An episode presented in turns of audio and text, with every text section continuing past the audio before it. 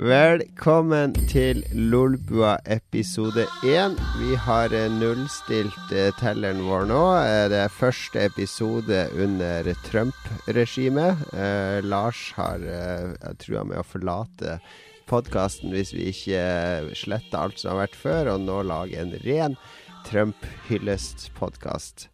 Nei da, det er Lolbua 135. Eh, vi har fortsatt ikke kommet oss over sjokket etter det amerikanske valget. I hvert fall ikke jeg. Jon Cato heter jeg. Lars, du snakka forrige gang om at du sleit med nattesøvn og vondt i magen og alt sånt. Har det blitt bedre? Har du, har du normalisert Trump, sånn som alle mediene holder på med nå?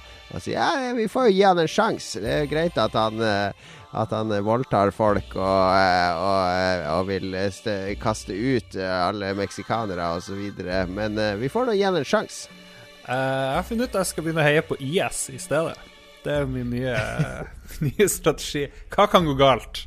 Kan gå Make galt? IS great again. mm, ja. Litt sånn islamsk extreme terror. Det, det Nei, men jeg husker du var jo helt frynsatt forrige gang med, med, Trump. Men er det sånn at vi venner oss til det her? Er det sånn uh, man tenker jo når man ser på sånne historiske hendelser oh, hvorfor, hvorfor, var det ingen som gjorde noe? Hvorfor, hvorfor, reagerte de ikke? Hvorfor stoppa de det ikke? Er det ikke sånne tanker som har surra gjennom hodet ditt de siste uka? Mm.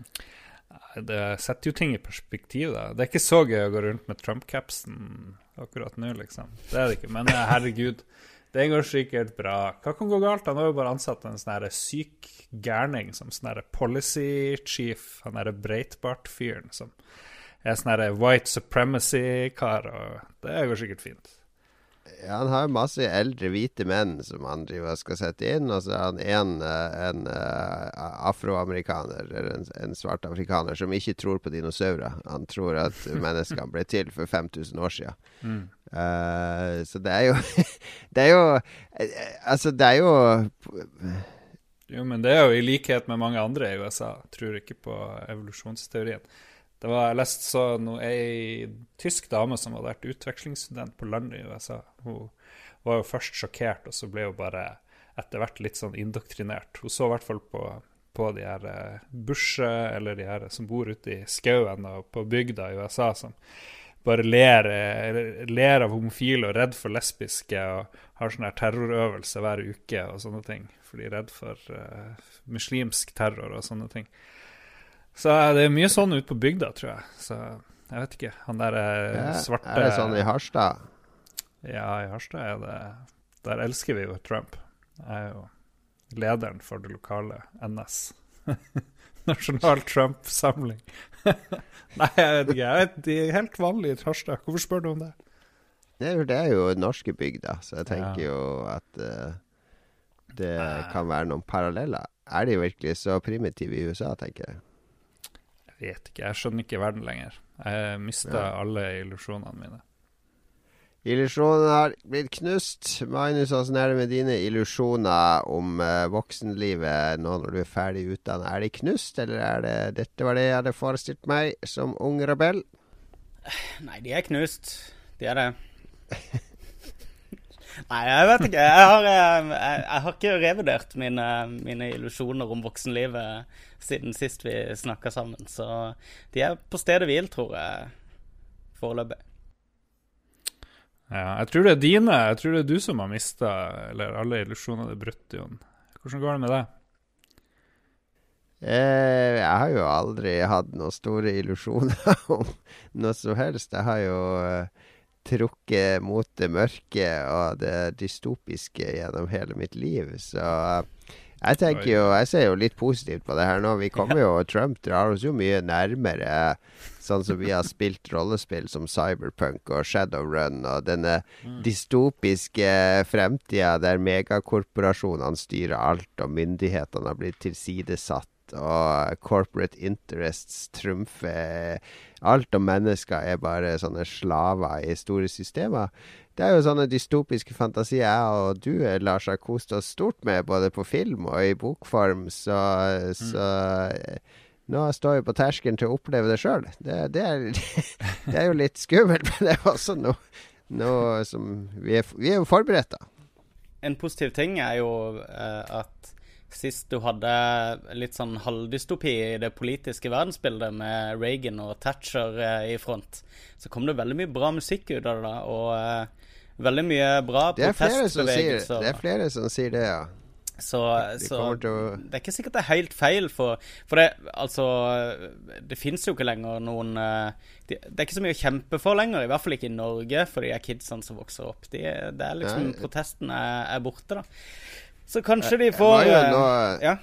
Når jeg var i, Paris nå, så var jeg jo på, på det, det Pompidou-museet, som er sånn der moderne kunstmuseum. Og der var det en kontemporær utstilling med kunst fra Russland, Sovjet. Eh, og det var my de hadde mye på hjertet, disse som li har litt nød, og altså lider litt under tyrannia og, og og uh, enevelda. Altså, det var mm. mye kul kunst som oppstår. Men jeg tenker også Nå kommer mitt negative Min negativitet igjen. Dagens kunst, det som oppstår under Trump, det er jo sånne dårlige me memes.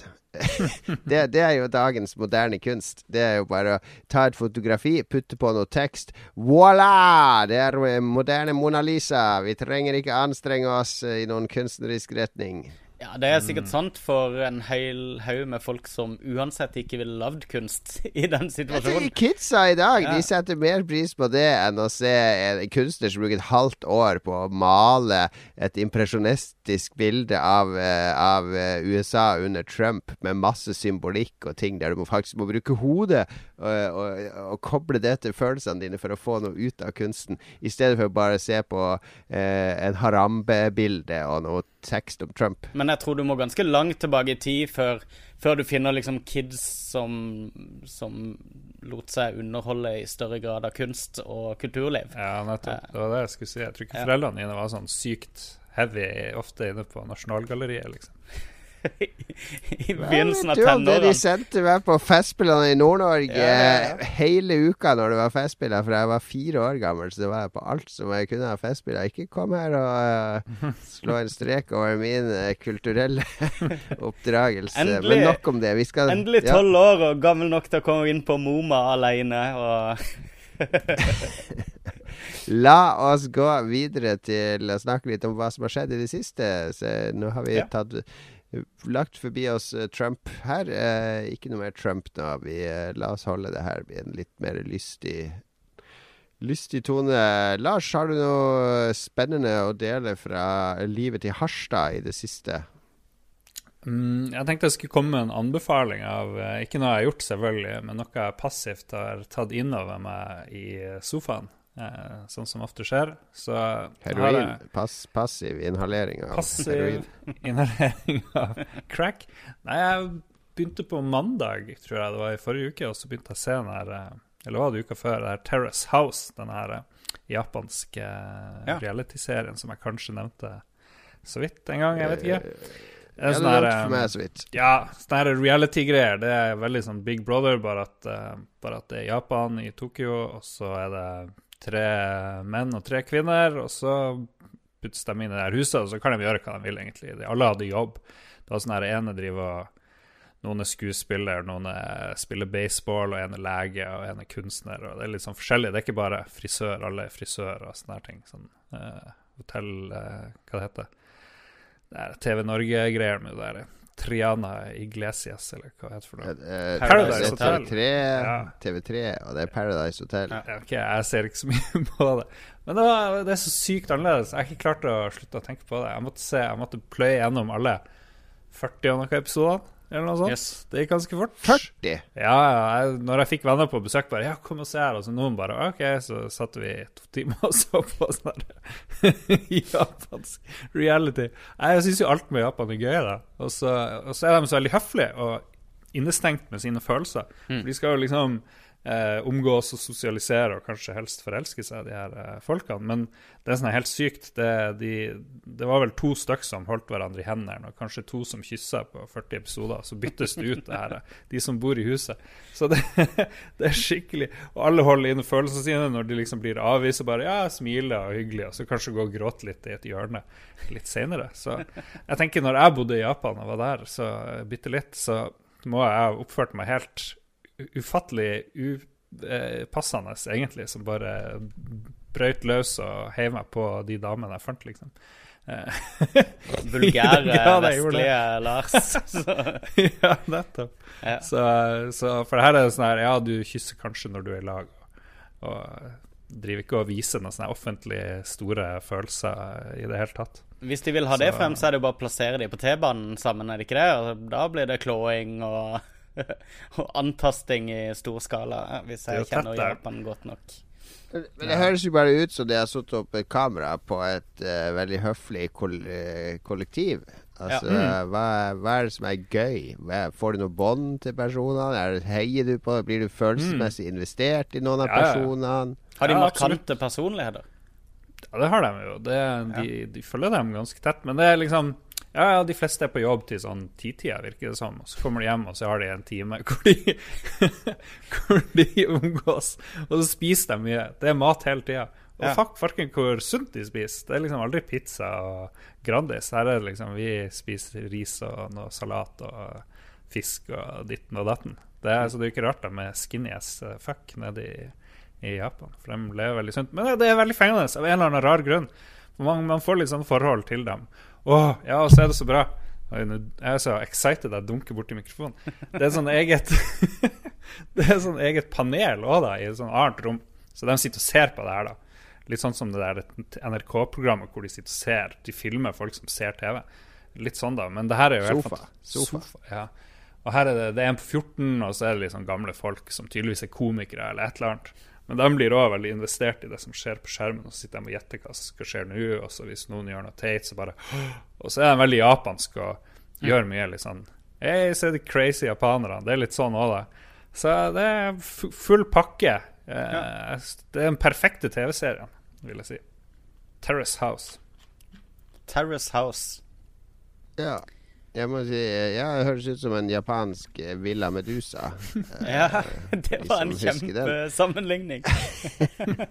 uh, nei, men det er, eh, det er sikkert greit for de som uh, er singel uh, oppe i Harstad i mørketida.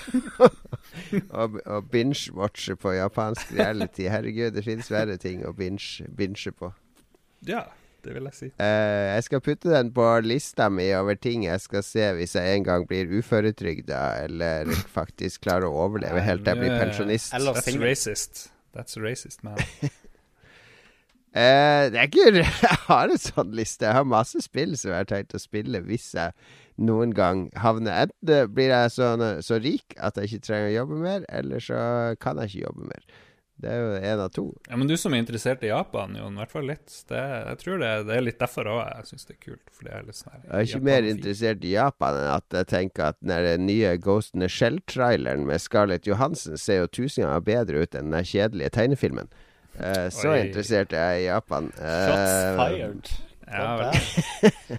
Jeg bryr meg ikke. jeg, jeg- har ikke sett tegnefilmen engang, så, så det går helt fint for min del. Men det er vel noen Ja. otakus som hører på akkurat nå, så Å ja. Det er, det, er, det er jo mye kontroverser rundt den nye Scarlett Johansen. Eh, det var ikke det jeg egentlig skulle snakke om. Vi kan jo snakke bitte litt om den traileren. For den syns jeg var kjempekul. Og jeg, jeg, jeg syns Scarlett Johansen er en flott skuespiller. Og syns de tok mye på kornet fra originalen. Og så er jo jeg av den oppfatning at når du skal lage f.eks. en film av en bok eller en tegneserie, av et spill, eller whatever Hvis du skal, Når du skal ta en historie eller et eller annet fra et medie til et annet, så vil jeg jo gjerne at du skal lage en original vri på det. At du skal finne ut hva er essensen i det her. Uh, beholde hovedpersoner, beholde essensen av historien, men gjør det til noe som eh, trenger ikke være helt nytt, men gjør det til noe friskt. Lag en frisk vri på det. ikke sant? Det er ikke noe vits å lage en remake av en film fra 50- eller 60-tallet hvis du ikke fresh, eller gjør en twist på det som gjør det at det får en, en egen identitet. Jeg er helt Mhm. enig. Uh, for eksempel Kubrick gjorde jo det med, med mange av filmene han lagde. Han tok jo 'Shining', og så endra han en del ting i Stephen King sin bok. Ja. Stephen King hater jo Kubrick sin 'Shining', men jeg syns jo den filmen er bedre enn boka, fordi at Kubrick tar den og setter sitt preg på det. Og det samme gjorde jo For eksempel Sam Peckinpah når han lagde Magnificent Seven, som er en remake av Seven Samurai. Altså det Vi tar grunnessensen i denne historien, og så gjør vi det til en western. Mm. I stedet for en samuraihistorie. Og jeg syns jo hvis Hollywood skal lage the Shell, lag det til noe eget. Ja. Behold mye av essensen, men, eh, men gi det noe Alt trenger jo ikke være For, for alt jeg ser av de fansen som sitter og klager, det er sånn herre det, det må være helt identisk likt mm. sånn som det var da jeg så den tegneserien første gang. Og opphavet til det og det må være sånn og sånn, og det ser ikke ut som det er bevart i traileren, og bla, bla, bla. Ja. Men jeg burde Marvel gjøre helt om på de her Spiderman eller uh, Iron Man og Avengers og sånne ting? Jo, men det har de jo gjort siden de ble funnet opp. De rebooter jo seriene hele tida. Det gjorde de på 70-tallet flere ganger. Og så har de sånn spin-off-serie der La oss skru tida tilbake på nytt. Så nå vi, skal vi fortelle Spiderman-historien fra et annet perspektiv osv. Så, videre. så det, det, gjør de jo konstant. En serie som, ja, hvor jeg har reagert litt Hvor jeg har reagert litt på det motsatte, har vært med Walking Dead. For det, jeg leste tegneserien og spilte spillene før jeg så serien. Og da reagerte mm. jeg på at de gikk såpass tett opp mot tegneserien, men bare Det var så obvious at de kreative valgene de tok underveis, da, var bare sånn for å please publikum hele veien. Men at de beholdt charactere lengre i serien fordi de var populære hos uh, Uh, sikkert på en sånn testvisning og, og sånne ting. Og det, det syns jeg var plagsomt, og det gjorde at jeg slutta å se på. Ja, her er nok studioet vært overstyrt, at de ikke kan falle fra så mye. Men det er liksom opp til fengselet, så følger de ganske tett. Så etter det så begynner de å divergere ganske bra før det. Ja, men allerede i første sesong, liksom, så er det flere som, som skal dø, liksom helt i begynnelsen, som, som blir med videre. Fordi at de har vært Uh, han er Jeg er veldig skuffa over at der, eh, den babyen fikk lov å overleve, for det blir jo skutt i fillebiter i magen til, til uh, mora i serien. Spoiler! Nei, det gjør han ikke. Jo, jo, når han colonelen inntar fengselet, nei, nei, han, så blir jo ho mora. kona skutt. Han sniper mora, men de redder babyen. Nei, gjør de det? Jeg har lest uh, Han har ikke med seg Det er jo ville fantasiene dine, Jon. Ja. Jeg trodde babyen døde. Det er colonelen som sniper henne fra tanksen når de angriper fengselet. Ja. Har dere hørt om ja, det Mandela-effekt? Men nå var vi på Ghost in Shell, men, men uh, det er jo relevant. Altså, uh, er, altså, Noen ganger så har du lyst til å beholde noe av originalinnholdet, ikke sant? At det blir gjengitt. Mm. Men det går også an å fucke opp når du skal begynne å tolke det sjøl. Det var egentlig poenget mitt da med å nevne uh, Walking Dead. da med at det, det er liksom all, all, omtolkning er ikke alltid til det positive. Men med å bruke Scarlett Johansen så føler jeg det er en miniting å endre på i forhold til originaltegneserien, er det ikke det? Men det er vel heller whitewashing ja, folk har reagert på. Takeshi Kitano er jo med, så det må jo bli bra, ikke sant, Lars?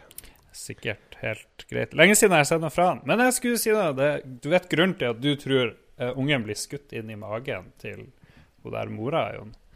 Det er jo den her, det Mandela-effekt som kommer av at da Mandela døde, så var det en hel haug med folk som mente at de huska helt klart at han døde for lenge siden, i fengsel eller noe sånt. Og så har de spunnet videre på at det er den Mandela-effekten som den fikk navnet derfra. Hvor folk er sikre på at noe har skjedd, og så finner de plutselig ut at det er noe helt galt. Så da mener de at de er i en sånn alternativ tidslinje. Så du, kom, du har liksom hoppa dessverre fra en sånn tidslinje hvor hun der uh, I tegneserien så ble jo barnet skutt i uh, mora sin mage. Og så har de masse andre dårlige eksempel. Forskjellige skrivemåter, Coca-Cola-logoen og din og mm. daten. Hørte en uh, awesome uh, sånn konspirasjonspodkast om akkurat det der. Yes. Ja, spennende. Det er Mandela-effekt. Google it. Det er mye morsomme eksempler. ja, det, det, tror jeg. Men nå, nå googler jeg faktisk Walking Dead-tegneserien er issue 48, og det står det at eh, babyen blir skutt i magen av Lilly. Og så uh, Da er det Magnus som kommer fra alternativ tidslinje. Ja, Magnus, nei, nei, jeg husker fremdeles det bildet av mora som blir skutt mens hun har babyen i armen. Og at han faren Ja, ja, men babyen òg dør jo. Nei, ikke da. Han, han er alene ute i villmarka sammen med sønnen og den babyen og driver og prater Og det er da han begynner å prate i telefonen med en sånn herre med kona si når det klikker fullstendig. Han har ikke med seg noe baby der. Du, du, har ikke lest serien. Vi kan gå videre. Vi kan jeg har lest de første 120 numrene. Motherfucker. Ja, jeg har lest altså det. Ja. Men vi kan uh, sende deg link, skal vi krangle om det etterpå. Så får du heller oppdatere Wikipediaen. Ja. hvis den er feil. Ellers så blir jeg sjokkert over hvor mye minnet mitt er endra siden i ja. fjor sommer. Lytterne kan uh, gjerne sende inn mail og kalle den av oss som tar feil, for idiot. Å, hør han som har googla det. det tar vi imot med, med stor takk. Eh, men det jeg egentlig skulle snakke om, jeg skulle følge opp ja. reality-tråden til Lars, for jeg har også sett reality i det siste.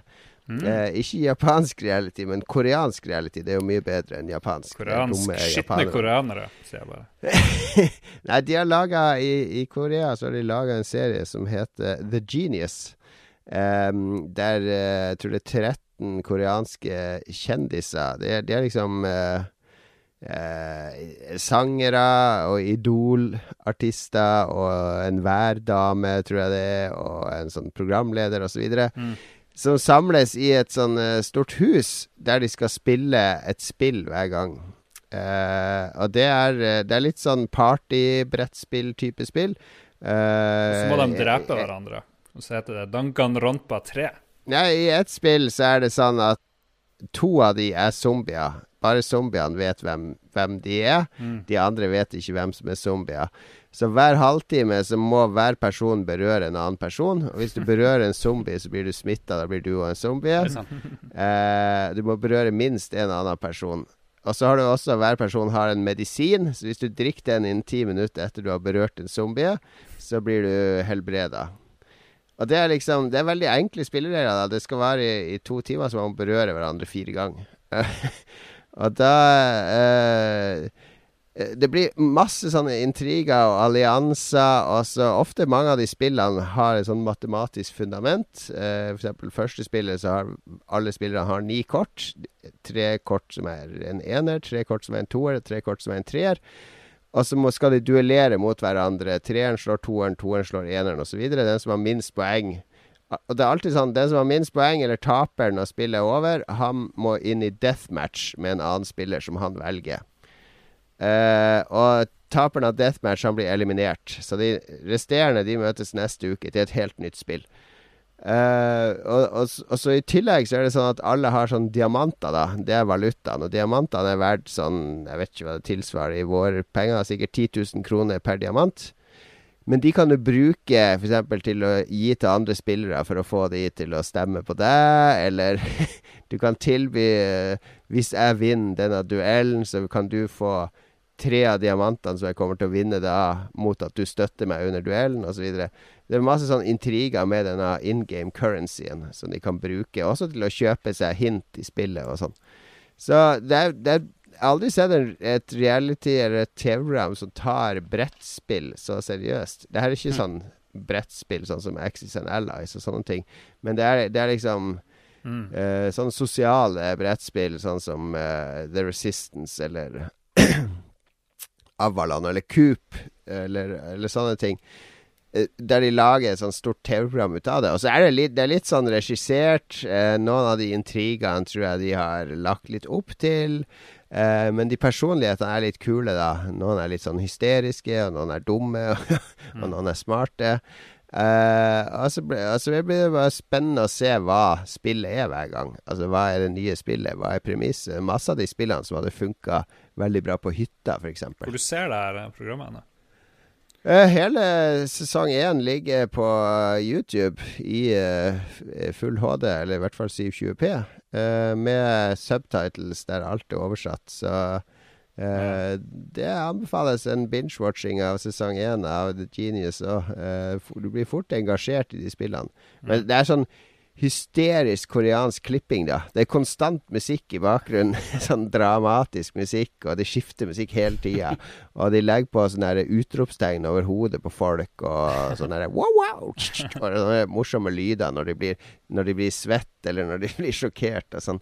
Det, det, var litt sånn teit i start, men det ble fort en del av konseptet. Så The, the Genius på, på YouTube anbefales. Det viser hvor underlegen eh, Det viser hvor underlegen koreanerne er i forhold til japanerne. For de har ingen sånne effekter, ingen, ingen konflikter konstruert. Det er liksom veldig rolig og sindig. og det er liksom Det er veldig avslappende. Men eh, det er sikkert ja, har gøy. Du, der, har, du prøvd å google, har du prøvd å google Japanese Game Show og sett hvor rolig og avslappende og lite effekter det er lagt inn? Skjønner ikke hva du snakker om. Nei da, men jeg skal sjekke The Genius. Men uh, det er helt sykt, sykt å sammenligne den japanske realityserien med alt annet du har sett. For det er liksom Ingen blir full. liksom det er alt er liksom normale, høflige folk som prøver å omgås. Men er ikke det rart, med tanke på å fulle japanere på byen? Det er det. det er det. Alle japanere er fulle på byen. Er det ikke det? Sånn der eh, etterjobbsfylla, er ikke det ganske inkorporert i eh, businesskulturen i Japan? Jeg tror jo, det, det, er ikke, det er ikke unormalt. Nei, men jeg skal sjekke The Genius.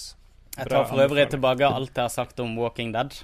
For jeg så noe eh, at Men hun ble ikke skutt i, i maven til mora, Jon. Nei, men hun ble holdt inntil kroppen. Yes. Ble, kula gikk gjennom begge. For jeg husker veldig godt det bildet, men jeg mener å huske at hun overlevde den babyen. Men jeg husker det var skjellsettende å se den. Eh, Mandela-effekten i aksjon, altså. Magnus var sikker på at babyen levde fordi at Kanskje det er et sånn ønske om å få en baby her. Her er det Nietzsche. Nietzsche på høyt nivå her.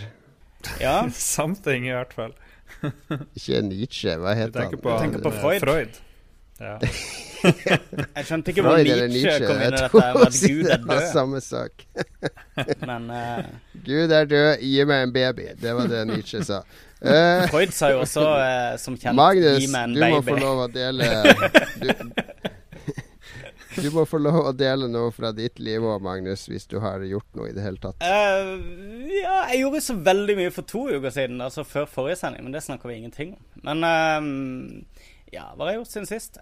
Og jeg har sett uh, nye, nye Beatles-dokumentaren som har kommet nå, som heter Eight Days a Week. The Touring Years of Beatles, som Ron Howard har lagd. Um, og han var jo super die hard Beatles-fan, og har eh, klart å samle de siste eh, to fra Beatles. og kjørt veldig 50 av Beatles. 50 av bandet. Men han har også fått tak i sinnssykt mye gamle opptak eh, og intervjuer av de, eh, de nå døde bandmedlemmene, og har samla sammen et, et, veldig sånn solid kompendium av alle årene de turnerte, og kanskje med spesielt fokus på den amerikanske turneringa. Uh, utrolig kul dokumentar for de som liker Beatles. er jo ganske fanatisk på akkurat det. Um, er du sikker på at du vet hvem i The Beatles som er død? Ja, det er jo selvfølgelig Paul McCartney og Ringo Starr, er det ikke det? Som uh, de ble skutt i armene, inni maven til mødrene sine. Jeg bare tenker etter, etter, Walking Dead så må jeg bare forsikre ja. om at du har faktaene i orden. Jeg tok her, den. men, men um, det fins en annen uh, dokumentar også som går som er tolv timer lang, eller noe sånt, som heter Anthology. Ja. Som går sånn sykt grundig gjennom hele historien sin. Den har jeg sett noen ganger. Og uh, selv om jeg på en måte har sett den og lest veldig mye om det, så var det mye kul sånn ekstrainformasjon som dukka opp i i denne her. Så Eight Days a Week for de som liker Beatles, anbefales veldig. Yeah. Mm. For de av våre lyttere som er 60 pluss, sjekk ut uh, den. Uh, Nei, seriøst. Er du en fan? Er du en fan av den der uh, teorien om at Paul McCartney er bytta ut?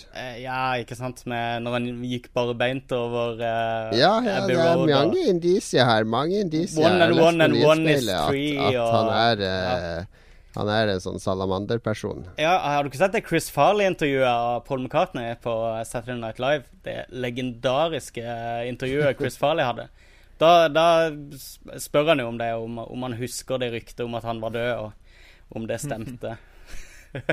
Vi måtte høre på en LP med Beatles baklengs i musikktimen i barneskolen, husker jeg. Vi skulle høre ja, riktig. Paul is dead. Hør, du, hør dere. Men de sier også uh, Er det one and one and one is three, sier de på White Album eller noe sånt, som uh, alle tolker som at Hva? Tre? Det er ikke noe tall som skal gå igjen i et band med fire. Så. Og så er det jo hele den teorien om Abbey Road, der uh, Paul går barbeint fordi han er død, og Uh, er det Ringo Starr går i svart fordi han sørger, og så går uh, George Harrison går i dongeri for han er graveren, mens uh, John Lennon går i hvitt for han er presten. At du liksom ser hele Jeg lurer på hvordan, hvordan disse teoriene oppsto på 70-tallet og sånn før internett. Ja. Jeg skjønner at sånt oppstår på internett, for da kan du bare jeg lurer på om de der eh, stripene i lufta er farlig. Og så går det to-tre klikk, så er du inne på en eller annen sånn gal mann som driver og raller om chemtrails. Og så, Men- Å, det står jo her! Da må det jo være sant. Tenk, Eh, tenk deg YouTube under Beatlemania. jeg tror vi skal være glad for at internett ikke eksisterte på den tida, når du ser hva de klarte å fable frem i uh, Når de var helt avskåret fra hverandre. Ja, jeg tror vi skal være glad for det. Jeg tror også vi skal være glad for at vi nå kan hvile ørene med litt eh, lystig musikk. Uh, Lars, uh, før vi Mm. spiller musikk, du, du, får jo, du er jo veldig flink til å velge ut musikk, det må jeg si. Jeg bruker jo å skippe gjennom episodene bare og, og sjekke ut musikken du har lagt til. Og du får jo også mye skryt fra leserne, som hele tida driver og maser om hva slags spor er det, og hva slags spor er det. Kan ikke Ja. du si en gang for alle hvor de skal gå for å finne de sporene, så slutter, slipper vi det maset? Ja, Hvis dere hører noe bra musikk, eller dere lurer på hva er, så går du på lolbua.no, så trykker du på episoden du hørte på, så får du se. Og ofte så har jeg huska å legge inn musikken, noen ganger ikke, så da fortjener jeg litt mas. Men stort sett så ligger musikken der. Absolutt alle episodene hittil har det. Eventuelt kan dere kontakte Lars direkte på Facebook og spørre om hvor sangen er, og så vil han uh, kunne gi deg uh... Ja, du kan ringe han på 952 uh... Ja, Det er umulig å finne Eh. nummeret mitt på 1881, det skal jeg si da. 1881, der hørte det her først. Sjekk. Ja, ringer ring han på 1881. uh, men uh, ja, som sagt, lurer du på hvilken sang vi spiller her nå, den du hører i bakgrunnen her nå, som eh, faser inn veldig sakte, så går du på lolbua.no sjekk ut episodenummeret, og så står det der. Det er ei Beatles-låt, er det ikke det?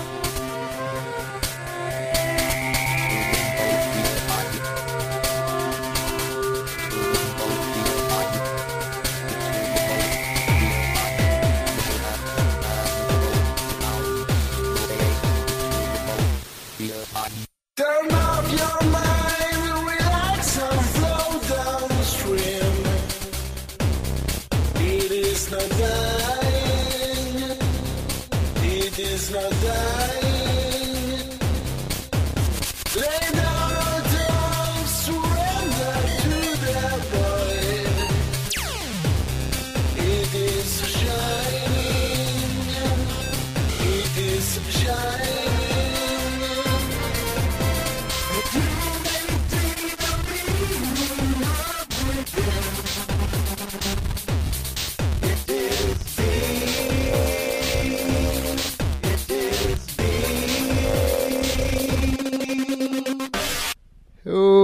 For et år det har vært. Det begynte med at David Bowie døde, og Lemmy. så har de bare falt fra den ene etter den andre, og så har vi valgt Trump som president. Uh, Leonard Cohen er død. Det året her, altså det er, uh, Jeg vet ikke om det har vært Jeg føler ikke at det har vært så ille de foregående årene. Det har jo vært folk som har daua da òg, men i år har det bare Det har bare vært trist nyhet på trist nyhet. Ja, det har vært helt vilt. Jeg syns Lemmy kanskje er det tristeste i år.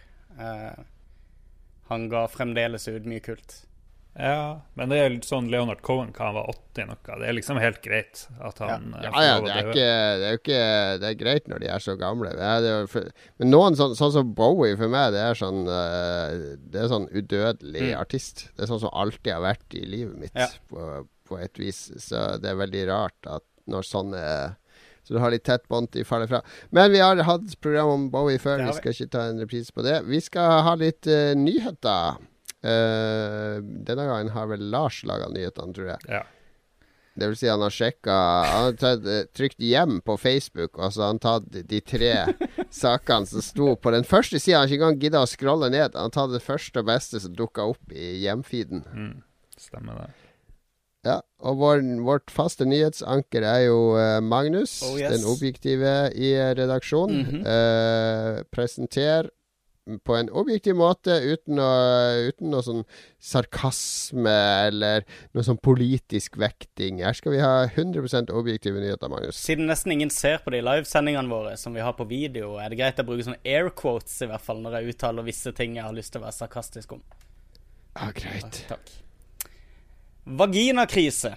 En spiller oppdaga en vagina i Watchdogs 2 mens han spilte det på PlayStation 4. Etter å ha delt et skjermbilde ble kontoen sperra for flerspill. Uh, ja, så hva er greia? Er det, er det en aldersgrense for, uh, for uh, skjermbilder som deles på det sosiale nettverket, og en aldersgrense for å spille spillene? Eh, det er vel sånn at det du deler, skal være sømmelig. Eh, men da kan, må det jo være sånn at spillene trenger ikke være sømmelig. Ja. Eller det visuelle i spillet kan være usømmelig. Jeg vet ikke. Det virker veldig rart. Jeg føler dette er litt sånn Nintendos mareritt. At det er grunnen til at de har de der eh, 70 000 sperrene for, å, for at folk ikke skal kunne kommunisere med hverandre. Eller at de tradisjonelt eh, har hatt det. Det er for at noen skal spre en vagina på eh, Nintendos eh, sosiale nettverk. Um, Men det må jo bare ha sluppet gjennom sensuren, tror du ikke det? Tror dere de visste at det var noe vagina? I spillet? Ja. Ja, men det er jo det er, Jeg sett nå Nå har jeg faktisk lasta ned spillet. Jeg har bare spilt Umiddelbart Umiddelbart etter den nyheten. Ja, ja, det var instabuy. Eh, Men, men det var eh, eh, Jeg så noen videoer også. Det er jo en sånn nudistleir i spillet med full frontal nudity på både menn og kvinner, da. Yes. Eh, og det er, eh, det er litt sånn avslappa fransk holdning til nakenhet, føler jeg. Som jo er helt greit. Jeg ser ikke noe vi, vi ser jo ikke noe verre på HBO og andre steder. Det er jo, det er jo et underholdningsprodukt som du faktisk må betale 600 kroner for å få. Og det står også, tror jeg, på aldersgrensa uh, nudity. Ja. Altså, GTA 5 hadde jo eh, ballene til Trevor i en veldig kul scene. Ja, GTA 4 i DLC-en hadde jo en sånn der eh, full penis inni den badstua. I, eh, husk det er Lost and Damned-DLC-en, tror jeg det det er var. Der du Mm. Der er fortrengt sammen med den der døde babyen i Walking Dead. uh, Men er det men liksom, hva bør være lov i et dataspill? Bør det være åpne vaginaer liggende på gata på døde prostituerte? Det er jo ganske heavy kombo. Spør vi, Er det moralsk ja, ja. tillatelig? Jeg tenkte litt på det der, fordi det, det, var, det var en som putta et bilde på Twitter av en død prostituert som ligger med beina fra hverandre, og du kan se var sånn truse med åpning i, da, så du ser jo at de har faktisk putta på en tekstur av en uh, vulva, da. Jeg må påpeke at det er en vulva når det er, i- det er ikke vagina, det er litt lenger inn. Eh, Mr. Professor! Kan ingenting om det. Har lest, jeg har lest det på nettet. Uh, men, men han tweeta jo det, da, og så var han veldig sånn på at han accidentally killed a prostitute in an alley, og da møtte dette synet hans. Og så tenker jeg Uh, er, er den handlinga av å drepe prostituerte, er ikke den verre enn at du kan se de naken? Er ikke det å tillate spilleren å Mm. drepe uskyldige prostituerte, og så ta bilde av de, eh, og Ja. så skal vi bli sjokkert over at den eh, uskyldige prostituerte har en, eh, et kjønnsorgan? under klærne. Ja. Altså, det er jo litt er den der amerikanske jeg- rekkefølgen, er det ikke det? Med at uh, vold er greit, men, uh, men nakenhet er, Ja, jeg, er jeg føler det her er veldig sånn uttrykk for akkurat det at, Ja. at uh, drit i handlinga. Bare Å, herregud, ikke, ikke, vis, ikke vis det der. Det, det, er, det er uetisk eller ukritisk eller ukristent eller hva. det var. Men, uh, spillet er jo lagd- det var da Janet Jackson viste puppen under Superbowl? Ja, det var krise. Ja, Herregud, Ja, det er med det. Det er jo Men- helt vilt, da. Eh, spillet er vel lagd i Montreal, er det ikke det? Eh, hos Ubisoft Montreal. Og de er jo så europeiske at det renner av de. De er jo en sånn essens av Europa som er plassert oppe i Nord-Amerika der. Eh, så de har sikkert følt at det har vært ganske naturlig å ha med litt nakenhet og litt sånne ting, uten at det har vært all verdens av problemer. Men det det er vel mer USA hvor man reagerer så hardt på det. Ja, det, det, jeg tror det går bra. De har opplyst om det. Det har jo pasa aldersratinga og alt der borte, så jeg Ja. kan ikke skjønne at det skal få noen konsekvenser i Men jeg syns egentlig ikke det er det interessante, at det er ned i spillet. Det interessante er jo at uh, Sony på en måte lanserer det på sin konsoll, og så uh, sett, Og så, så oppfordrer de brukere til å spre bilder fra spillene de spiller, ikke sant? For de vil jo ha den aktiviteten. Eh, men så kommer de inn med ekstra føringer på hva fra hvilke spill det blir mulig å spre der, uten at det ligger inne noe automatikk i det systemet. da. Og da har Ja, du liksom ja, Det er ikke noe automatikk. Men det er jo i Nei. noen spill så er det du får ikke lov å streame cutscenes, f.eks. de spill kan legge det inn manuelt. Sperre for det. Ja, ja, ja stemmer. Men, men her så får de kanskje problemer med å sperre det. eh, eller kanskje de kan legge inn lignende sperre, da. Um, Ja, jeg vet jo i hvert fall Når jeg spilte Rock Band 3 på Xbox, så brukte jeg jo to timer på å lage logoen til, til bandet mitt. Jeg lagde jo sånn plakat som henger på alle konsertene. Så det var en perfekt replika av Goatse, for du kan ta masse sånne Masse sånne decals. Jeg hadde to sånne knyttnever og et sånn sort hull. Og det var, det var den Det passerte alle sensurinstanser til EA, så da var jeg publisher av det spillet. jeg husker da vi, fikk, eh, da vi fikk inn Nintendo DS på Japan-import på Spiderman. Husker du det, Jon Cato? Og eh, Ja. eh, halve Presse-Norge var i butikken og henta sine, sine DS-er. Eh, for ble lansert mye tidligere i Japan enn i, i resten av verden.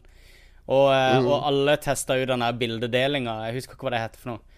Um, der du kunne Det var mye, mye eh, peniser som fløy gjennom med en gang. Det var det første alle tegna og delte. Og folk kom inn i løpet av hele dagen. Så kom det liksom inn folk under, eller enten i lunsjen eller før jobb eller etter jobb. Og alle kom inn, tegna en, en penis og delte med de andre. Det var liksom eh, også, Eller skrev Er ikke det hva, hva kommer det av hvis jeg står ved en, et whiteboard eller en tavle og jeg har en Ja. kritt, jeg står alene i et rom og jeg har lyst til å tegne noe Det første jeg slår meg å tegne, er jo en penis. Det morsomste er jo det forbudte, på et vis. Det som er litt farlig. Er Men vi husker tida før Ja. tagging, ikke sant? Altså 80-tallet, tidlig 80-tall, eksisterte ikke tagging. Og da var det stort sett bare peniser som ble tegna på Ja, vegger. ja, ja. Og så sto det 'piss off' veldig mange steder, og det var jo av en eller annen grunn et eh, ve veldig ekstremt eh, uttrykk. Og noe Metallica-logoer og sånn. Hva skjedde med uttrykket 'piss off. Det er ingen som sier det lenger. Jeg tror det gikk inn i dagligtalen, sikkert blant kongelige til og med, i Storbritannia nå, at det er så klint nå at eh, Jeg, jeg husker da vi gikk på Blindern, Lars. Vi hadde jo et par venner på Blindern der. Og vi brukte jo reker der noen ganger om nettene og ha svampekrig og litt andre tull, tulleleker i korridorene. Men da husker jeg inne på den svære forelesningssalen på informatikkbygget. Så var det sånne tavler. Det var liksom seks tavler, så kunne rulle de opp og ned. Hvis du hadde fylt en tavle, så kunne du dytte den opp, og så var det en annen tavle under. Så de, de kunne liksom bytte plass, så du skulle slippe å viske ut hver gang. Så det vi gjorde da, var jo Eller ikke vi, men eh, de, de vennene våre. Jeg skylder på de. De tegna jo De flytta alle de tavlene så at det sto to og to foran hverandre helt nederst. Altså på de bakerste tavlene så tegna de sånn enorm penis og sånn der. Da skrev jeg sånn der Læreren har en stor eh, KUK og sånn. Foreleser Altså da foreleseren kom inn for å skrive på de tavlene, skulle jeg sende den opp, så bare hele salen sånn 200 elever Det var, samme, det var sånn vi gjorde. Vi, vi dro ned enten kartet eller den der eh, Ja, kartet, skjermen ja, kartet til, ikke sant? til. Skjermen til overheaden, og så tegna masse bak. Så når læreren dro det opp, så Good times, Good good times. times. Nei. Vagina i spill, uh, ja ja. Det er vel kanskje en milepæl. Tommel opp. Jeg tror Japan har vært der ganske lenge, for å være helt ærlig. De har en egen sjanger Tommel opp i dedikert til det. vagina i spill, er det det du sier, Lars? Ja, men jeg føler at vi bryr oss ikke så jævlig mye, egentlig. Nei. Nei, vi er for gamle til å bli sjokkert av en vagina. Vi snakka jo litt om ting som Vi skal ikke gå inn på Nei, det. Det er for internchatten vår. La det forbli i Eh, chatten for evig og alltid. Neste nyhet, eh, vårt kjære anker. Yes, Super Mario Run kommer 15.12. Det er vel på eh, iPhone, hvis ikke jeg leste feil. Eh, Du får prøve litt gratis før spillet ber deg om 100 kroner for hele sulamitten. Wow! Rundt 100. Yes. 109 100 og kroner, er det det? Er skuffa over ikke noe Android-release. Men Det kommer til sånn- Android. Det står, det står. Android òg. Kommer Hva sier du? Ja, det gjør det, ja. Mm. Imens så kan jeg vel spille det på iPaden min. Men det er en slags Endless Runner, er det ikke det? Eh, Ja, derfor er jeg veldig lite interessert. Ja, Veldig jeg kjenner det. det skal være seks eh, verdener og et eller annet forskjellige moduser og sånn. Altså, jeg, jeg kjøper det på dag én uansett, bare for å få sett hva det er for noe. Og, eh, og du jeg kan ser mange som bare Hva, 109 kroner? Ja, ja, det er, det er mindre enn en kinobillett. Ja, Eh, Det, det er som en halvliter øl på Og tilt. du, jeg var på, jeg var på kino i Kristiansand. Det kosta 62 kroner for hovedsalen på uh, denne Oi. Doctor Strange. 62 kroner. Det var billig. Mens det koster Mm. hva, 120 kroner i Oslo? Hvis du skal, Ja, hvis du skal på. Ringen. Det var ganske eksepsjonelt. Ja, beklager Mm. eh, avbrytelsen der. Så, men det blir jo spennende å se hva det er for noe. Altså eh, Jeg tror jo de tenker gjennom ting før de lanserer ting. Er vi ikke litt skuffa over at når Nintendo først tar steget over på eh, mobil, så gjør de det på en så lite uh, Nintendo-måte som det der? Altså å lage en, liksom, en Du run tenker på liksom eh, Mi, Mitomo. hm? Mitomo er jo allerede lansert på mobil. Ja. Det er jo Nintendo sitt første spill på mobil. Ja, riktig. Men uh, altså vi, vi, Jeg kan si Når Mario kommer til mobil, da Hadde vi ikke Jeg er litt skuffa over at ikke de liksom At ikke de gjør mer av det, da. Men eh, nå skal jeg ikke være altfor uh, bombastisk her, for jeg har jo ennå ikke spilt det. Men jeg har inntrykk av at det er et litt sånn Litt enkelt konsept, i hvert fall. Uh, Ut ifra hva vi vet at Nintendo er i stand til å gjøre. Jeg hadde håpet at de skulle liksom uh, starte med et sånn superspill, og kanskje Kanskje uh, Jeg vet ikke uh, Komme med, en, liksom, med nye øyne, da, med en litt sånn frisk tilnærming til mobilspill. Det blir sikkert bra, men når det er sånn plattformspill, så liker jeg å kunne stå i ro og så OK, nå tar jeg fart, nå skal jeg prøve det skikkelig vanskelige seksjonen her. Jeg er enig. enig. Vi, teamet vil show, fordi vi ingen av oss har spilt spillet Nei. før. Det eneste vi vet når, når Nintendo lager noe nytt, så gjør de det ofte på sin egen måte. Ja. Så jeg tviler på at de har kopiert uh, Cannabalt. Eh, bare putta inn Mario sprites. Da begynner jeg å Jeg tror grine. de har Jeg tror de har overordna design på det spillet som andre sånne endless runners kommer til å kopiere, hvis jeg kjenner Nintendo rett. Ja. Så vi får vente og se hva, hva sluttproduktet blir. Jeg gleder meg i hvert fall til 15.12. Det blir gøy å ta med på hytta sammen med min Nes Mini, som jeg også skal uh, hamre løs på i juleferien. Jeg er mer interessert i Nes Mini, for å være ærlig. Og så tror jeg Nes Mini kommer til å slå PSVR i sånn salg, eh, tipper jeg. Bare full disclosure her. Lars og Jon Cato har fått eh, 30 000 kroner hver for å nevne Nes Mini i hvert fall to ganger hver i denne sendinga. Nei da. Um, vi skal bli hos uh, Nintendo, nemlig Eller, eh, nærmere sagt uh, Zelda. For det Selda Zelda Breath of the Wild vil ikke være klar til lansering av Nintendo Switch likevel, ifølge ryktebørsen. Det, ryktene sier vel at det, det kommer et stykke ut i 2017, og at eh, Nintendo heller skal gå for eh, Mario 3D som lanseringstittel til Nintendo Switch. Som stortittel, da. Ja. Um, Ja, vi diskuterte jo dette litt uh, tidligere. da Jon Cato hadde et godt poeng med at eh, eh, kanskje en Zelda-lansering bare vil komme i veien for de andre lanseringstitlene. Fordi alle kommer til å kjøpe Zelda. Men, er Um, problemet når, men er problemet når Nintendo slipper maskiner at de har for mange spill? Er det ikke helt motsatt? Uh, uh, det er vel ingen som har for mange spill når de slipper maskinene, som jeg sa i den interntråden vår. Hva var det Sony hadde til PlayStation 4? Jo, det var Resogun og Neck. Det var de to first party-titlene deres til PS4. Det er ikke eh, Det er jo veldig vanskelig å, å si ja, det er dommedag, PS4 er doomed, fordi vi har bare NECK og Resogun. Det er liksom det de har å by på. Jo, de hadde et Killzone-spill òg, som var det, kanskje det mest middelmådige Killzone-spillet av alle. og det sier litt. Ja, men det, det har jo ingenting, egentlig ingenting å si, fordi på dag én så har du en Du har to-tre millioner hardcore Nintendo-fans som kjøper det første opplaget, uansett om det bare kommer med Nintendo Land eller whatever. Eh, de skal ha den maskinen, og de skal teste den. De skal være først ute. Og hvis da Zelda kommer tre måneder etter, når andre opplag med maskiner kommer, så selger de enda mer da. For da sitter de som venter på Zelda. Da kan de kjøpe den. Tror du de kommer til å trykke færre av Wii U-versjonen av Zelda, siden det kommer litt, litt lenger ut i, i startfasen til, til Switch? Ja, det kan jo være noe det styret der har tenkt på òg, at alle de som eh, Ja, nei, ja hvis Wii U-versjonen av Zelda hadde kommet tre måneder før Switch-versjonen, så det hadde vært en sånn Ja, utspekulert galskap. eh, corporate decision for å få folk til å kjøpe det to ganger. Ja. Det er sånn uh, Rockstar og GTA og, og sånn. Mhm. Men uh, Nei, jeg tror, jeg tror Jeg tror de beregner ganske greit hvor mange som vil ha det på VU. Det, blir, det er sikkert preorders og alt, så de har en algoritme der. Sikkert.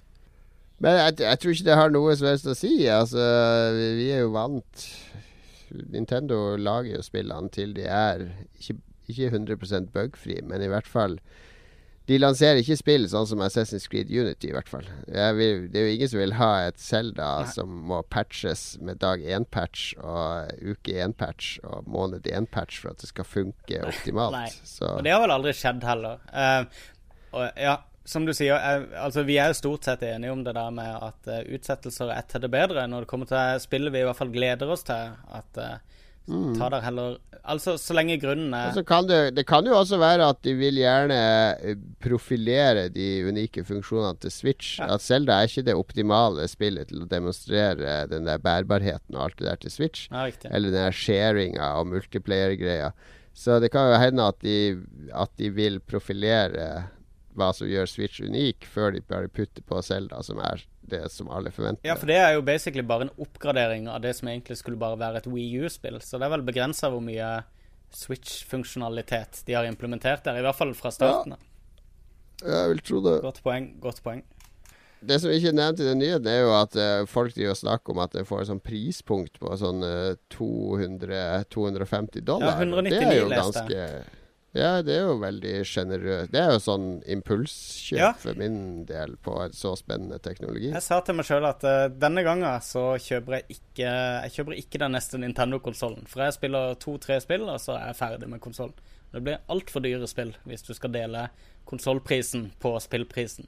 Um, men uh, hvis han koster 2000 spenn, så, så begynner det å kile igjen. For det 2000 kroner er liksom noe du har liggende, i hvert fall i begynnelsen av måneden. Det som kommer til å bli veldig dyrt, er jo når du hele tida mister de der to bitte små kontrollerne du kan ta av selve hovedskjermen, eller hva det Du er. må bare selge Det er 2000 kroner for håndkontrollen nå. For det er 10 000 unger kommer til å miste de her bitte, bitte små, bitte, bitte små kontrollerne. Du Tror du ikke de kommer til å være ganske robuste? I hvert Jo, fall. men hvis du eh, legger dem igjen på toget, så Ja, det er kan det være så robust som Ja, det er de er. Ja, nei, to, 2000 spenn, det er en time på Blaze for Lars. Så det her er Instabuy for hele redaksjonen. Det er eh, null problem. Jeg har aldri vært på Blaze uten Jon Cato.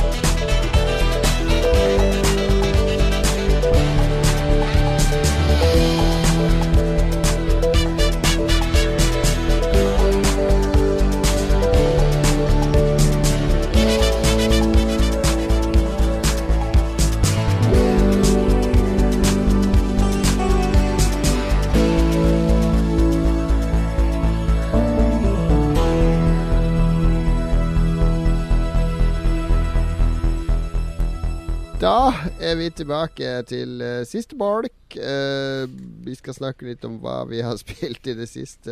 Eller vi har vel alle egentlig spilt samme spill. Det er litt kjedelig at hvis Mm. alle skal snakke om det Men samme det er litt Har kult at vi for en gangs skyld har spilt det samme alle sammen. Men jeg har spilt uh, Watchdogs 2, da. I hvert fall Ja. eh, prologen. Eller var- Anonymous, the video game, som mitt uh, Twitch Ja, jeg kan godt- snakke om mine inntrykk av spillet Gjør det. så langt. Gjør det. Ja, gjør Så blir det litt variasjon. Uh, skal vi ta Nå snakka vi om at vi skulle ha den nye spalten Spillavhøret. Jon Cato blir nå leda inn på, eh, på eh, avhørsrommet her på spillpolitistasjonen. Eh, Spilloffiser eh, Lars og hans assistent spillbetjent eh, Magnus Tellefsen De er da utnevnt av spillpolitisjefen til å forhøre Jon Cato, for de har hørt at han har spilt et nytt spill. Mm. Eh, de skal ta et avhør, de skal rette en lampe mot fjeset mitt, og, og de skal få ut av meg sannheten om dette spillet. Jeg sitter nervøs og tripper her. Jeg har bedt om en telefonsamtale, men de sier at telefonen ikke virker. Eh, så nå Vi har får vi se vi har sånne køller kølle og sånne her metallting vi kan putte opp i ræva. Det Ja, se det for dere oppi hodet, kjære lyttere. Et mørkt rom. Det, det, det blinker litt i det der uh, lysrøret i taket. Uh, litt skittent her. Lukter gammel kaffe og sigaretter. Jeg sitter ved et bord. Masse sånne riper i bordet. Her har det sittet folk før i forhør og kjeda seg. Og opp går døra, inn trampe. Lars og Magnus i dress og slips. Blir det, jeg tenker, blir det good cop, bad cop? Blir det intimidation-teknikk, eller blir det vi er dine venner? Sett i gang. Avhør. Watchdogs 2 er uh, temaet. Jeg ser for meg at det er sånn uh, Phoenix Wright-musikk i bakgrunnen òg. Ja, vi er, vi er jo her for å finne ut sannheten om Watchdogs 2, tenker jeg. Det er vi.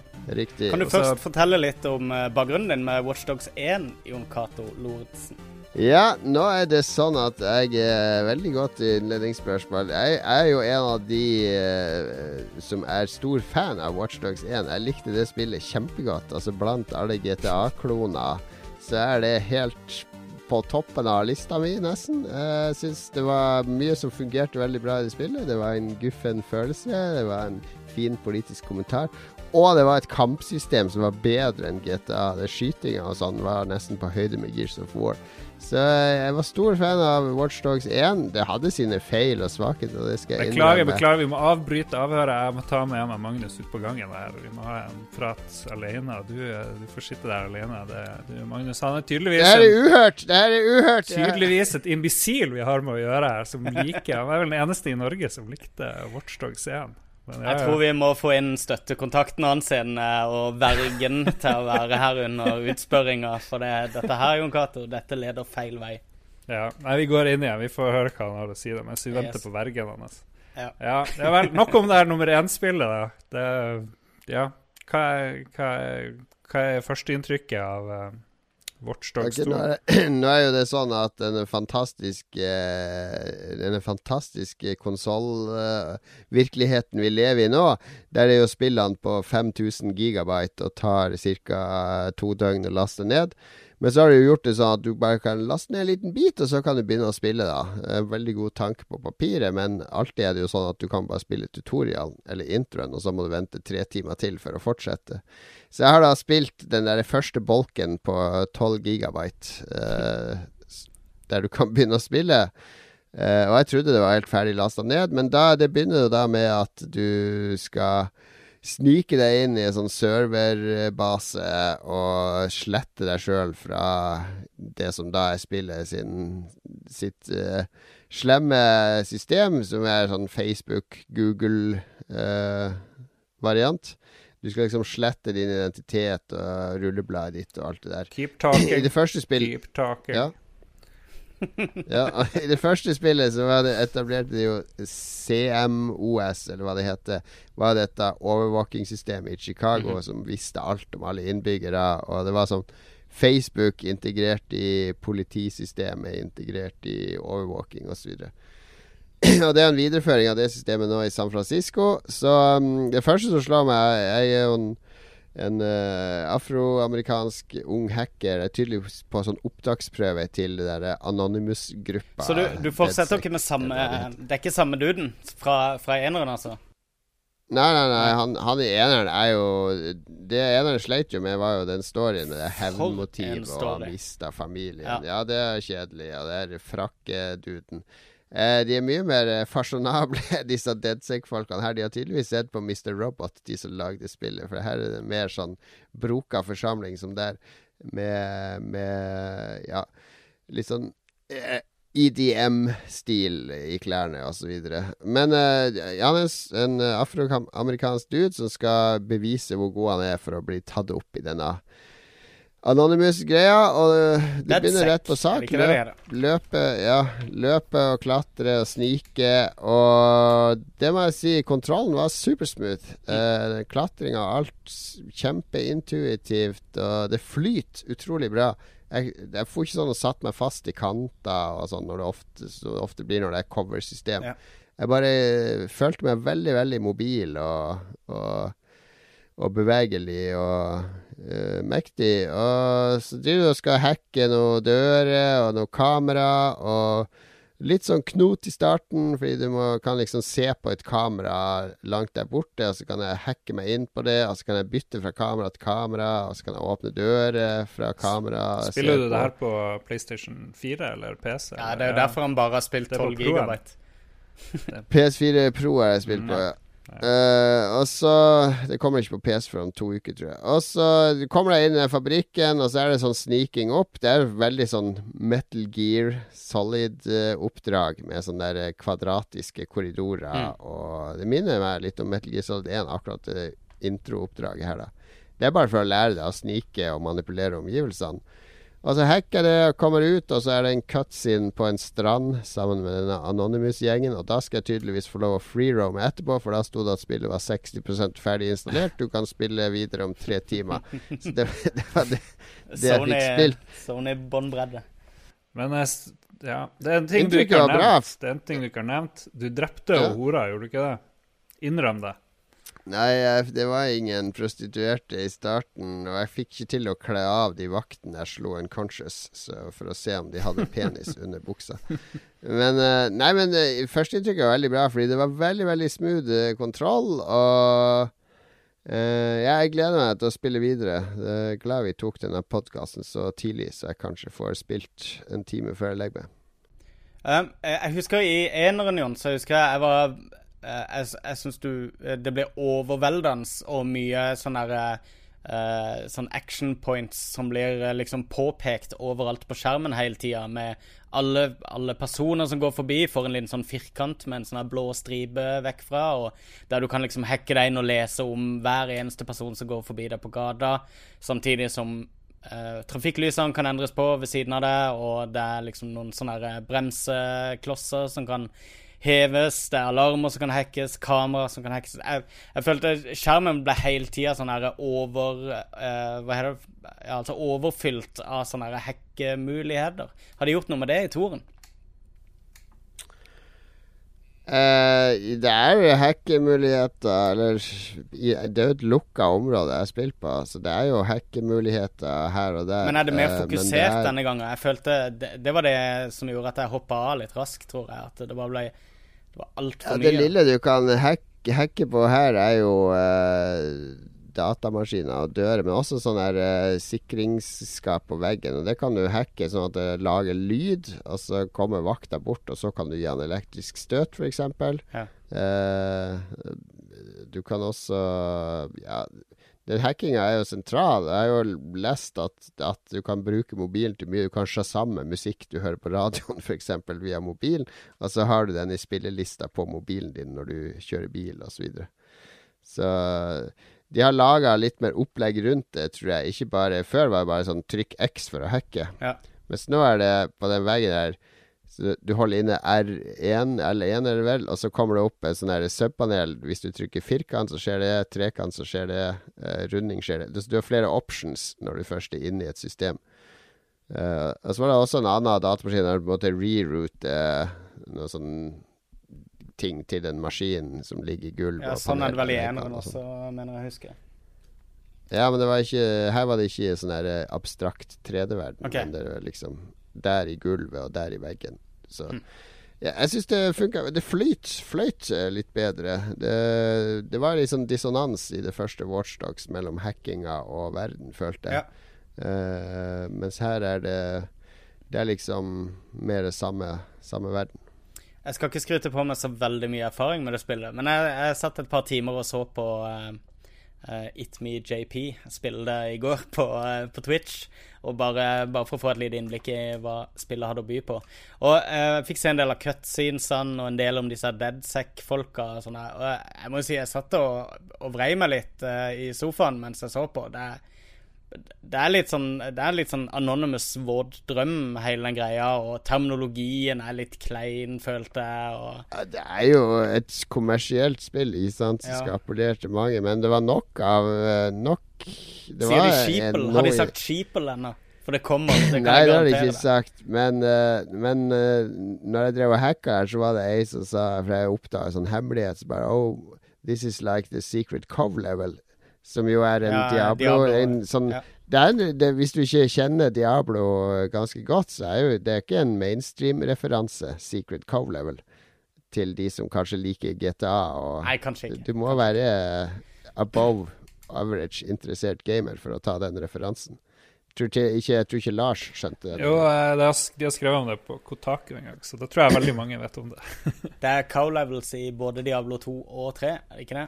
Eller There Ja. is no cow level i Diablo 2 er jo Jo, ja, men nei, hvis, hvis det er litt sånn der uh, Som du må være litt investert for å ta referansene, så er det kult. Hvis de har tort å legge på det. Men hvis det bare er sånn triple the ram, sånn som i. Hackers-filmen og sånn, så faller det jo fort igjennom. Jeg syns jo Mr. Robot òg har sine pinlige Jeg, jeg syns Mr. Robot er helt ulidelig. Jeg klarer ikke å se på det. Jeg blir litt, jeg blir litt, pinlig berørt, jeg, vet du, Jon Cato. Og eh, jeg tror, jeg, tror eh, jeg, jeg gleder meg til å høre deg fortelle mer fra Watchdogs 2 eh, neste sending. Og kan, Ja, ja, ja, jeg skal gladelig dele. La oss bli ferdig med Dette avhøret jeg er over. Yes. Takk, får jeg lov å gå hjem? Jeg er frikjent. Det, du skal jo egentlig Egentlig så skal du overbevise oss om spillet er bra eller dårlig, men nå vet jo vi jo egentlig ikke det. Du har ikke spilt lenge Jeg har jo spilt tutorialen, for fuck's sake. Du kan sende meg hjem, så kan jeg komme til nytt avhør neste uke. Nå er det nemlig vaktskifte, så nå er det meg og Magnus. Vi kaller inn på teppet her Ah, fuck. Eh, mistenkt for leiemord og sniking. Lars eh, Ricardo Cortez Olsen. Eh, Wasn't vi hører rykter om at du har spilt Dishonored 2. Det, det stemmer. Det stemmer. Ja. Hvorfor, hvorfor er det et drittspill?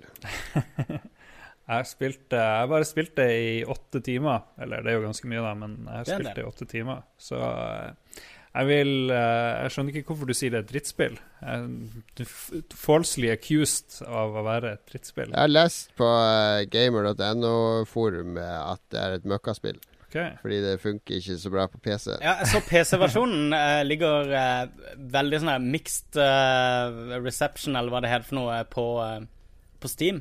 Men på Metacritic, ut ifra anmelderen, så ligger det på 92 eller noe. Så eh, Mm. En liten Ja. dissonans igjen der mellom publikum og anmeldere, tror jeg. Men det er lett å trigge PC-folket. Ja. Jeg, jeg driver, og, jeg driver og spiller det som om jeg Jeg nevnte jo mitt, mine førsteinntrykk etter et par timer forrige uke, så nå har jeg spilt, spilt en del mer. Og jeg begynte å like det. Jeg hata tutorialen. Eh, Den var skikkelig dårlig, syns jeg. Det var, jeg vet, har dere spilt tutorialen på Dishonored? Jeg syns det Ja, var den er ganske kjedelig. Ja, så kan liksom ikke Når du først er der, så må du liksom trykke blokk tre ganger. og Sånn her. Hva, er, hva er Guds navn er det for noe? Ja, men du trenger jo ikke spille den engang. Den er frivillig, og det er bare Men jeg må jo spille, for ellers så vet, Ja, vet jeg jo ikke men, hvordan jeg skal slåss. Men den er så adskilt fra resten av spillet at der hadde jeg null problemer med at tutorialen var liksom klein. Det er det jeg vil ha. Det er det jeg vil ha en tutorial. At det er bare sånn her OK, vis meg hva den knappen er. Vis meg hva den knappen er. Vis meg åssen jeg gjør det. Bla, bla, bla. Sånn. Nå kan jeg begynne å spille. I stedet for de der fucking spillene som bruker tre timer med tutorial før du liksom har lært å bruke alle knappene inn i handlinga, så, så er du allerede lei av spillet, for det er altfor lett. Kunne gjort sånn som Nintendo ofte gjør, bare ha det i starten av spillet, ikke sant? Sømløst. Nintendo har aldri tutorials. Nei, men de har er jo de har sånne snakkebobler, eller de har sånne ting, mener jeg. Ja, da er har du en sånn Og så må du trykke OK, og så blip, blip, blip, blip, blip, blip, blip, Nei, de har, OK. eh, ofte har de for eksempel i Mario-spillene så har de bare sånn skilt i bakgrunnen. Ja. Så hvis du lurer på det, kan du se på skiltet. Hvor det, Mm. Og så har de lagt opp sånn de tre første brettene, så innfører de jo alle mekanikkene. Så da kan du bare se på skiltet. Hvordan skal jeg komme meg videre her? Ja, det er sånn, ja. Ja. Så det er jo en supersmooth måte å gjøre det på. Men jeg er helt jeg er enig med begge. Jeg syns den tutorialen var drittkjedelig, men jeg måtte jo spille den bare for å huske hva knappene var, og hva systemet er. Ja. Eh, men jeg hater også de der integrerte tutorialene. Ja, han river av plasteret, den her. Det er bare sånn Sånn så er du ferdig med det. Trenger du aldri tenke tutorial igjen. Ja, gå videre. Dårlig førsteinntrykk Yes. Jeg tror det blir fengselsstraff. Men eh, fortsett. Eh, du starter jo i en by der du er prinsesse, eller ikke du, du kan jo velge mellom å være han Korvo eller prinsessa. Og når du er ferdig i startplassen der, da, hvor du var i forrige spill, så har jeg keiserinne. Keiserinne er vel Ja, eller ja, hva faen. Jeg, Var man ikke prinsesse, eller var man Og så ble Nei, man dronning? Liksom. keiserinne. Mora hennes ble drept, vet du, i begynnelsen av Ja. eneren. Ah, ja, jeg trodde det var prinsesse. dattera til at det lovechildet til Ah. Korvo og hun som døde i eneren. Nå spoiler vi har vært mye, ja. Det har vært mye mer eh, eventyraktig, hvis. For det kom jo en ond heks ikke sant, i starten også, hvis Mm. du hadde vært prinsesse. sånn. Men OK, glem det. Ja. Du kommer til en ny by, i hvert fall, og det er så utrolig pent der. Hva heter Ja. den der? Det er sånn by sør på i Ka Caracas eller et eller annet. Ja, og det er bare når sola driver og leker i bølgene, og du ser For det er sånn hvalfangstby, og så ser du hvalblodet som bare har nettopp rent ut i havet. og Til og med på en standard PS4 så ser det seg veldig bra ut, altså. Så For det er det første inntrykket. Og så er det mye NPC-er som ikke har noe å by på. De bare står og prater sånne rare ting. Jeg syns NPC De som ikke er fiender, de er litt sånn kjedelige. De har aldri noe å by på, egentlig. Virker det som. ja. Ja, de er litt statister, det er jeg. Mm. Men jeg, jeg, jeg synes, der igjen så, så syns jeg det er OK. Jeg synes uh, I veldig mange spill, så i hvert fall sånne GTA og sånn åpen verdensspill, så skal liksom alle ha et eller annet å si hele tida, hver gang du gjør noe. Så folk går rett over i panic-modus når du velter en vase på et bord, eller ikke sant? Og, så bare, og, og alle sier De har jo masse å si her òg. De driver og grynter og stønner og ditt og datt. Men, Ja, men de har en del men de reagerer jo eksempel når jeg bar på et lik, så blir de, da får de panikk og løper. Ja, det er det samme som å bli oppdaga. Ja, Ja. det var nytt for meg. Det er nytt i toeren, tror jeg. At uh, å bære på lik foran sivile utløser alarmer. Lik i toeren. ja.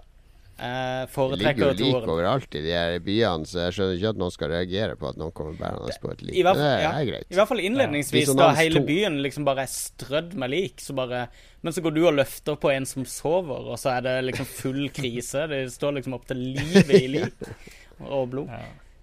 Men OK, du har den der store sørlandsbyen. Vi kaller det Kristiansand. Det kan vi godt gjøre. Ja. Ja, så fullt av søringer, selvfølgelig, og Selvsagt. mye skurker som går og patruljerer. Og så er det mye hus som er åpne, som du kan gå inn i, fullt Mm. av sinnssykt mye hidden shit og notater og små historier og fortellinger. Og det liker jeg færre å oppdage, så jeg prøver å 100 det, dessverre. de, her, de her greiene. Jeg har vært inne i alle husene jeg kan gå inn i Oi, hittil, da. men det tar jo 1000, 1000 millioner Alle dokumenter, Lars. Går du for Ja. alle dokumenter? det, men det, gjør, det gjør ikke så mye. Altså Vanligvis i spill så blir jeg fort utålmodig og Mm. vil videre. Uh, sånn som i Thief, husker du når det kom på Ja, ja, ja. PS4 og sånn. Uh, og, men her så er hver, hvert Nå er jeg bare på level 3 eller noe sånt, etter den byen du nevner. Jeg er sånn at jeg vil utforske hver krinkel og krok og, og, Mm. og bare mestre brettet på et vis. Ja. Jeg vil uh, ha full oversikt over brettet og kontroll over brettet. Mm. Jeg, jeg, jeg nekter å rushe til end goal, selv om du kan. Eller jeg gjorde det hvis eh, Jeg vet ikke om vi kan spoile starten. Det første oppdraget når du skal ned til båten. Ja, det er jo bare- det er bare introen. Ja, det første jeg gjorde, var bare Uff, jeg gidder ikke alle nesten ikke, jeg bare løper. Ah. Så jeg bare løp forbi alle vakter og sånn, og så kom jeg til et hjørne og snudde meg. Det var litt morsomt. Det sto sånn 25 vakter som hadde fulgt etter meg. Og bare den folkemengden! Det er bare, jeg trodde det var sikkert sånn at de stopper etter, etter noen meter og sånn. Jeg kommer forbi en sånn checkpoint. Ah. Men eh, alle hadde fulgt etter meg fra starten av, så det var litt kult. På med Benny. Benny Hill-musikken eh, mens du løper der. Men det var nesten breaking point for meg. Da, for jeg tenkte skal jeg orke å snike meg gjennom de her 500 meterne med vakten? Mm. Og så, og så, og så er det sånn, her, eh, sånn vogn som går over deg hele tida, på sånne Mm. skinner. Og så står jeg og ser opp på den, så ja, kanskje jeg kan sette meg opp på den vogna. Mm. Og det kan man gjøre. Ja, ja. Jeg klatra opp der, og den vogna kom ut. Jeg hoppa opp, og så bare kjørte jeg forbi alle vaktene ned til havna. Da. Det var helt perfekt. Det er utrolig du, mye. eh, Jeg, jeg fant en sånn alternativ rute gjennom noen bakgater og noe sånn eh, for å komme dette. Jeg følte meg veldig smart når jeg fant det, eh, og det gjorde du òg helt sikkert når du fant den vogna som transporterte deg forbi alt. Ja, ja. De er veldig flinke til å legge inn sånne sånn Eh, Du føler deg litt lur når du finner ting. Og eh, jeg spilte den begynnelsen. Jeg spilte bare selve introen. Spilte en haug med ganger fordi at jeg skulle klare det uten å bli oppdaga. Og jeg har spilt PC nå i noen måneder, og det var mareritt å komme tilbake til håndkontroller og den eh, presisjonen du har der.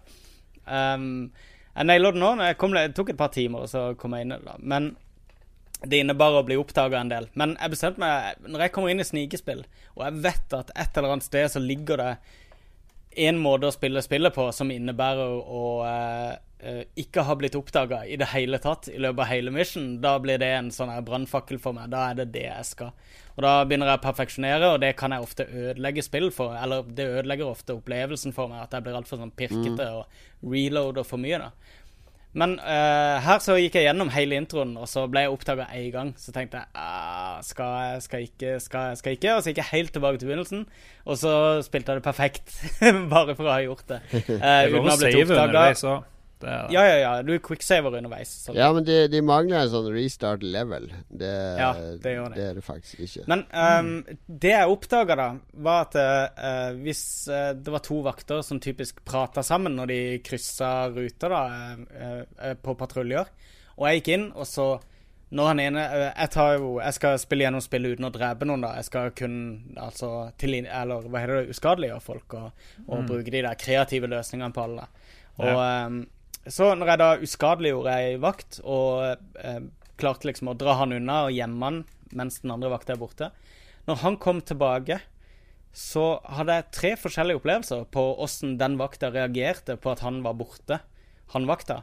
Eh, og der et av de alternativene var at han sa ja, altså noen må holde vakt her. Og så gikk han inn og stilte seg opp og, eh, og overtok patruljen til han som var borte. Som var veldig fascinerende, syns jeg, da. Og du kan liksom ikke Det er ikke sånn som vanlig snikespill med at du bare Du prøver noen ganger, og så har du liksom lært deg alle Uh, Alle liksom sånn rutiner utenat, utenat, sånn at du kan forutsi hele uh, brettet. Her funker det ikke sånn. De reagerer forskjellig hver gang. og Veldig smart AI, da. Det er veldig gøy å velge sine uh, evner.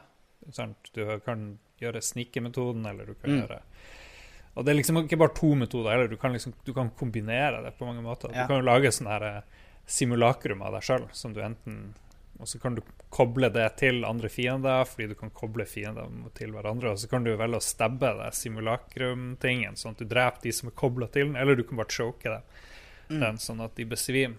Og det er jo en måte å du får friheten til å være offensiv eller, eller litt mer i det skjulte på flere Det er mange kreative kreative løsninger i mekanikkene også. Så Mm. ja, det er et veldig kult spill. Og det er også kult bør nevnes at den spillverden er så Den er ikke bare vakker, men den er eh, gjennomtenkt og Ja. designa, og, og den har en sånn historie og en Mm. atmosfære som ikke ligner på så mange sånn generiske fantasyspill, eller Sånn som The Thief, hvis vi skal sammenligne med det, for det er jo veldig nærliggende å sammenligne med, som ble veldig sånn klisjéfyll Det var kjedelighet og ca. et kvarter. Eh, Pregløs fantasy. Ja. Ja, sånn eh, her, Du har jo Det er jo ganske standardmotiver her òg, med hevn og Mm. og sånne ting, men det er allikevel en sånn spillverden som er veldig, veldig fascinerende. Som føles veldig levende, sånn som god sci-fi eller Ja, universet er så, det, det er så smart tenkt ut. Altså,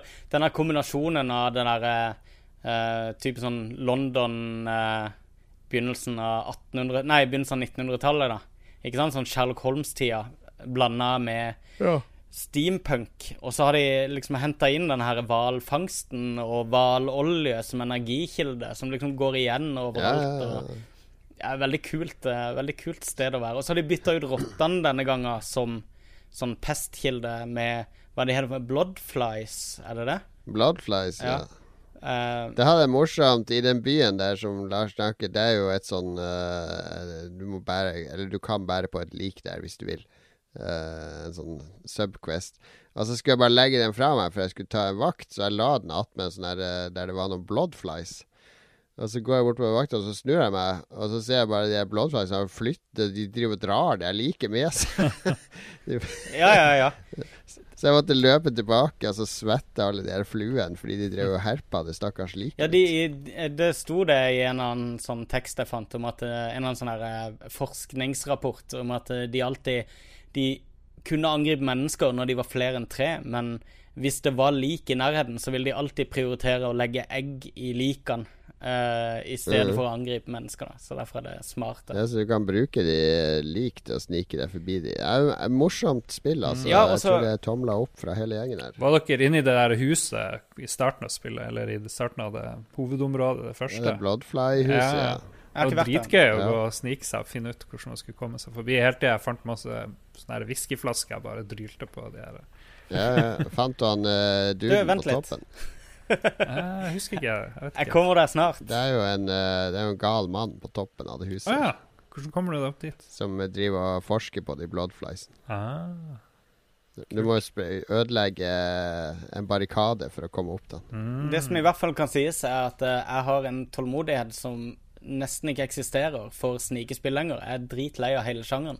Og, uh, men dette spillet føles likevel superfresht, og eh, det er litt sånn at eh, Det er litt sånn blanke ark og farvestifter når jeg setter i gang på et nytt område, kjente jeg. At det er sånn her Hvordan skal jeg hvordan skal jeg prøve å gjøre dette? Legge opp en kul strategi og se om du klarer å gjennomføre det. sånn. Og du får lyst til å prøve det igjen.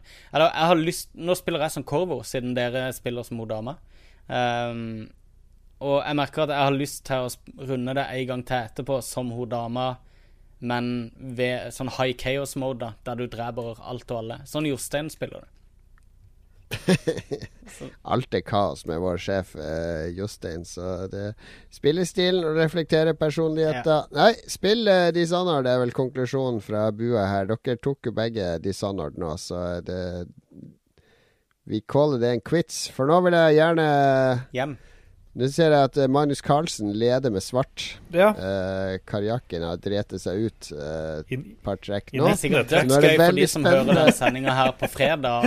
Nå er det veldig spennende sjakk, pluss at jeg skal spille litt Watchdogs før leggetid. Mm. Så takk for sendinga i dag, folkens. Eh, Det ble Dishonored og Vagina og eh, andre eh, Nintendo Ja, Nintendo, Walking Nintendo Vagina og Dishonored ja. det er kodeordene her. Trump Veldig spent på Trump. Trump og Veldig spent på hva Magnus tryller fram av grafisk uh, underverker til denne episoden. Uh, husk at du uh, følger oss på lolbua.no. Det er vår hjemmeside. Der poster vi informasjon om episodene, inkludert musikken. Mhm. Vi har en Facebook.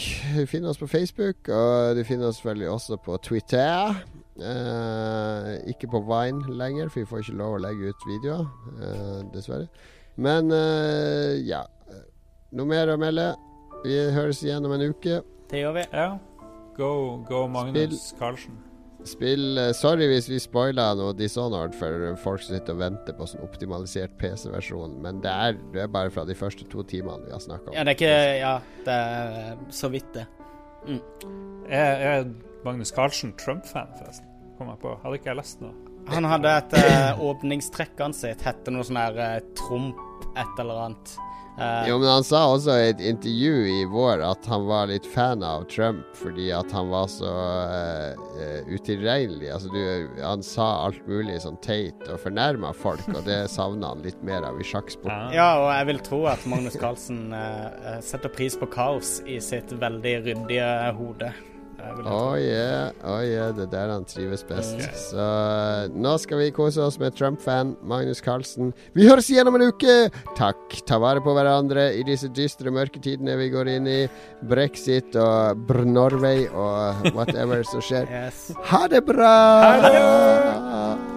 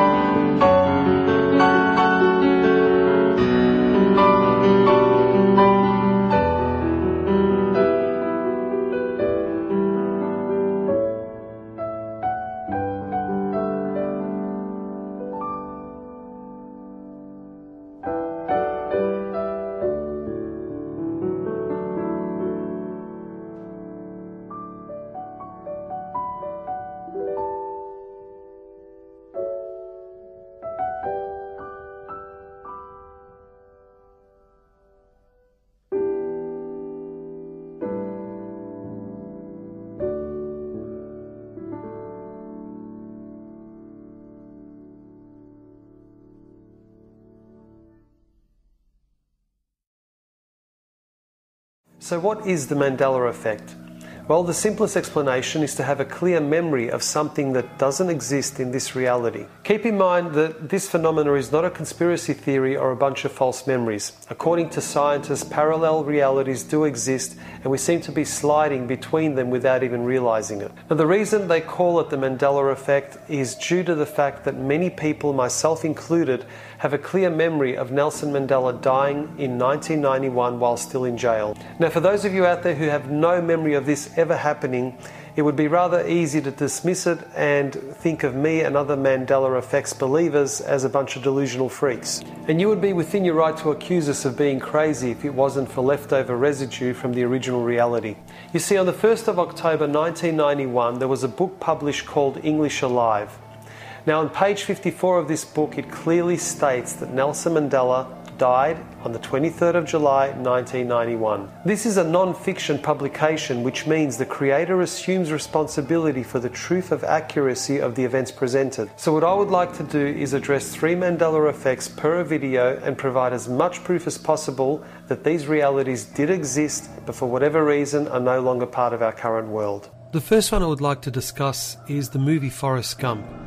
It's an all time classic and also responsible for one of the most famous lines in cinema history.